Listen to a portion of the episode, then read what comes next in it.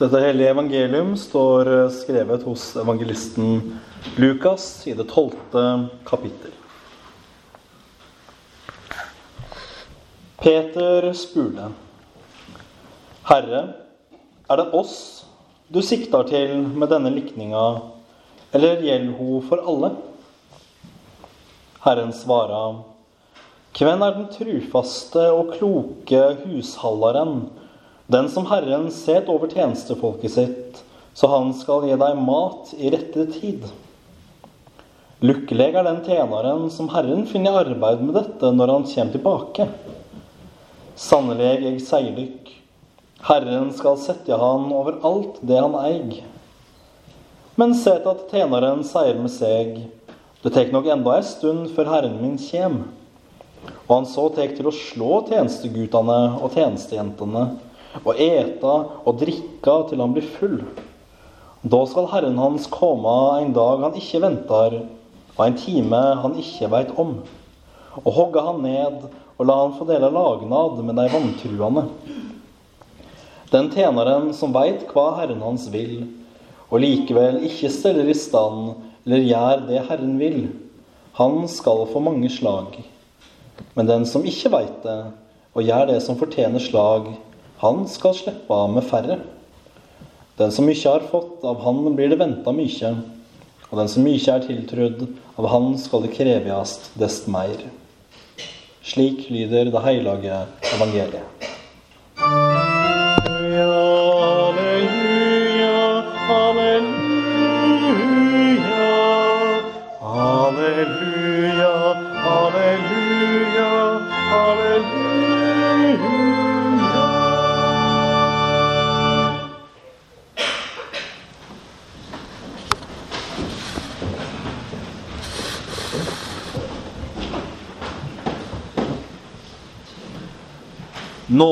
Og fred fra Gud vår Far og Jesus Kristus vår Frelser.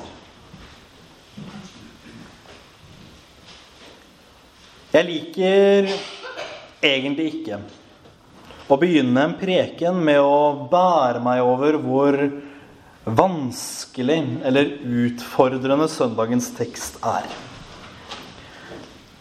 Det setter eh, liksom en stemning og en dårlig forventning som ikke er helt gunstig. Men jeg tror likevel at jeg må gjøre det i dag. For her kommer vi ikke utenom at Jesu ord til oss er krevende. For det første så setter han lista ganske høyt. For det andre så er det ikke sikkert at det er oss alle han snakker om. Peter han stiller nettopp dette spørsmålet. Jesus har fortalt en lignelse, og Peter lurer på hvem det er han sikter til. Oss, altså apostlene fra Peters perspektiv, eller alle andre også.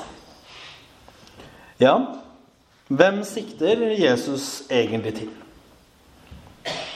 Ordene i lignelsen som eh, vi ikke leste, men som Peter lurer på, handler om å leve i en stadig forventning om at Jesus kan komme tilbake når som helst. Og aldri bli lat eller tenke at det er vel ikke så farlig med denne troen, men stadig tjene Gud i ydmykhet for at i dag eller i morgen kan være dagen. Men når Jesus svarer på Peters spørsmål, så snevrer han det på mange måter inn. For Jesus han begynner å snakke om forvalteren. En forvalter som står over husfolket og de andre tjenerne. Likevel, og dette er viktig, en som ikke er Herren selv. Forvalteren styrer og gjør ting på vegne av Herren, og er også selv en tjener, bare en med et større ansvar. Så er vi nødt til å rydde litt i begrepene her. Hvem er hvem? Jesus Kristus er naturligvis Herren, han som står overalt. husfolket og de andre tjenerne, ja, det er oss alle sammen. Alle vi som er kristne, som hører til Jesu kirke og tror på ham. Vi er alle sammen Guds tjenere, satt til tjeneste i verden for Gud og for hverandre. Men denne forvalteren, da? Jo, forvalteren siktet nok i første omgang til apostlene. De tolv pluss noen til menn som Jesus innsatte for å styre kirken i den første tiden. De hadde en helt spesiell myndighet og et stort ansvar i kirken etter at Jesus dro tilbake til himmelen. I vår tid så er det nok snakk om prester og biskoper, for vi har jo ikke lenger apostler. Før de døde innsatte apostlene menn i tjeneste med mindre myndighet, mye, mye mindre myndighet, men med et omtrent like stort ansvar. Dette er forvalteren i lignelsen. En leder, men ikke topplederen. Med ansvar og myndighet, men ikke absolutt. Han er ingen hersker. Han står selv i tjeneste og er under ordre fra Herren selv. Og må til sist avlegge regnskap for sin tjeneste, han som alle andre. Ser dere kanskje noe av utfordringen. Skal jeg stå her og prate i det lange og i det brede om apostler og prester og biskoper? Hadde ikke det gjort seg bedre å samle noen prester og biskoper på noen seminar eller noe og snakket om denne teksten der? På hvilken måte er dette relevant? Jeg vil jo mene at det er absolutt relevant. For de fleste av dere, de fleste av oss, forholder seg på mer eller mindre jevnlig basis til en prest.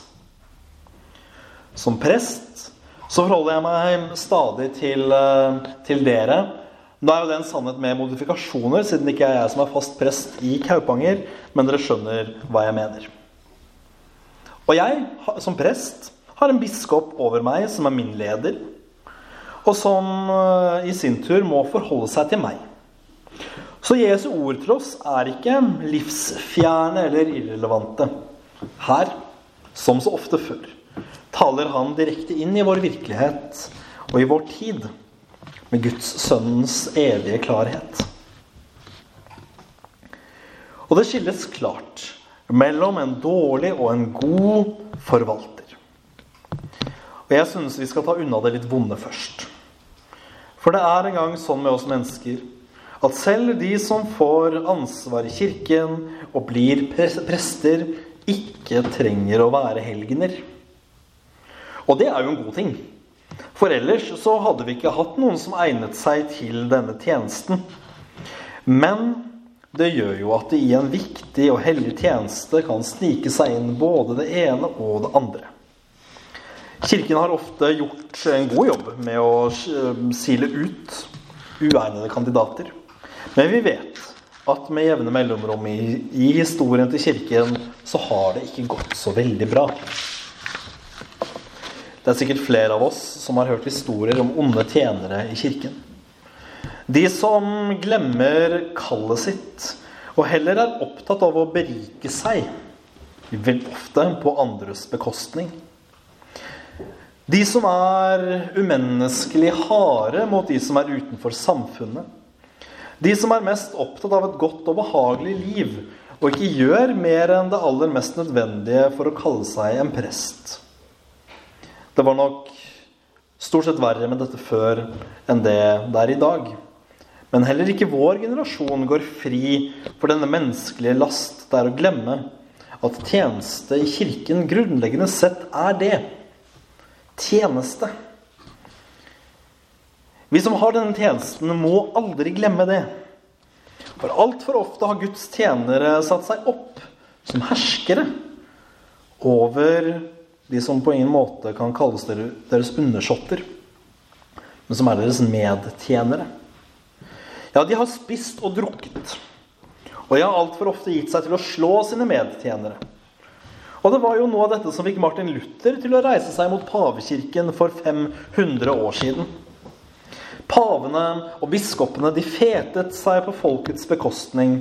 De slo seg opp som fyrster og herskere, prinser og hertuger og hva enn man ikke kalte det. Mer opptatt av gods og gull enn av menneskenes frelse og åndelige velvære. For en skandale det var! Jeg tror ikke vi kan forstå helt hvor ille det var på den tiden. Men som sagt, vi går ikke fri i dag heller. Også i vår tid finnes det kirkens tjenere som tjener sin egen bankkonto eller mage mer enn sine medmennesker. De som lurer enker ut av sine formuer, eller som gir seg i kast med de groveste overgrep og krenkelser. Og det er et skammelig vitnesbyrd. For et sant ord fra Jesus, at den som mye er betrodd, skal det kreves mye av. Alle med lederansvar i kirken skulle minnes dette. Og alle som ikke har det samme lederansvaret, men andre oppgaver, skulle også minnes dette. For så på Guds vegne kreve større trofasthet, større kjærlighet fra sine ledere. Verden er full av prester, pastorer og biskoper som glemmer sitt kall og gir seg til å slå sine medtjenere i Kristus. Vi har Guds ord på at det ikke vil gå upåaktet hen. Men hva er da denne store synd de begår, som gjør at de får et så hardt ord på seg som vi leste i dag? Er det bare det onde de gjør? Nei, det er også det gode de holder tilbake. Jesus han sier at en gode forvalter han gir sine medtjenere mat. Mat. I rett tid. Og dette er et veldig, veldig godt bilde. Et mye bedre bilde enn det jeg forsto da jeg begynte å skrive denne prekenen. For en forvalter som lar tjenerne sulte, det er ingen god forvalter. Så også med tjenerne i Guds kirke. Men når Jesus forklarer lignelsen, så handler det ikke om fysisk føde, brød osv. Mat i rett tid. Her snakker Jesus om den åndelige mat, som er evangeliet. Evangeliet er den rette åndelige mat som vi alle må spise, og vi må spise den daglig. Så ofte som vi kan. For evangeliet, hva er det? Jo, det er ikke noe annet enn kunngjørelsen av at alle våre synder er tilgitt. At Jesus døde på korset. At Jesu død på korset og oppstandelse fra de døde har vunnet oss tilgivelse for alt vi har gjort, gjør og skal gjøre av galt, og at vi for Hans skyld regnes som rettferdige, ikke syndige, i Guds øyne. Vi får det evige liv og den store gleden hos Gud i himmelen. Det er evangeliet. Men evangeliet er et så underlig og merkverdig ord til oss at det er lett å glemme. Det er mye lettere å se på våre mange og store synder og tenke at tilgitt, det kan vel ikke jeg bli. Det er jo galt, for alle syndere kan bli tilgitt. Derfor må vi høre ordet om tilgivelsen så ofte som vi kan. Og det er Kirkens tjeneres oppgave å forkynne evangeliet og kunngjøre dette, som altså er hva det betyr å gi mat i rett tid. Men ofte har man delt ut juling heller enn mat. Ofte har man slått folk ned med vissheten om deres synder og manglende fromhet heller enn å fortelle om nåden hos Gud. Sånn kan det ikke være. Eller man tenker at evangeliet er noe vanskelig, noe som er for krevende. Kanskje har Jesus sagt noe man ikke liker, eller som man er uenig i, som man formørker og prøver å gjemme det litt bort.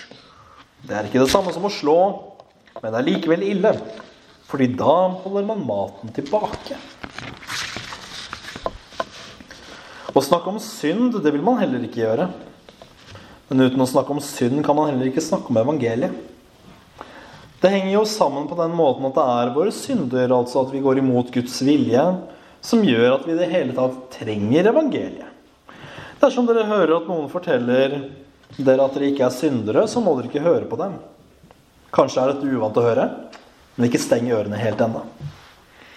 For dersom evangeliet er mat, så er vissheten om synden det samme som vissheten om at man er sulten. Når jeg står og snakker om synd fra prekestolen, så er det som om jeg sier 'Hør her. Du er sulten.' Se hvor magen din rumler, og hvor tynn du har blitt.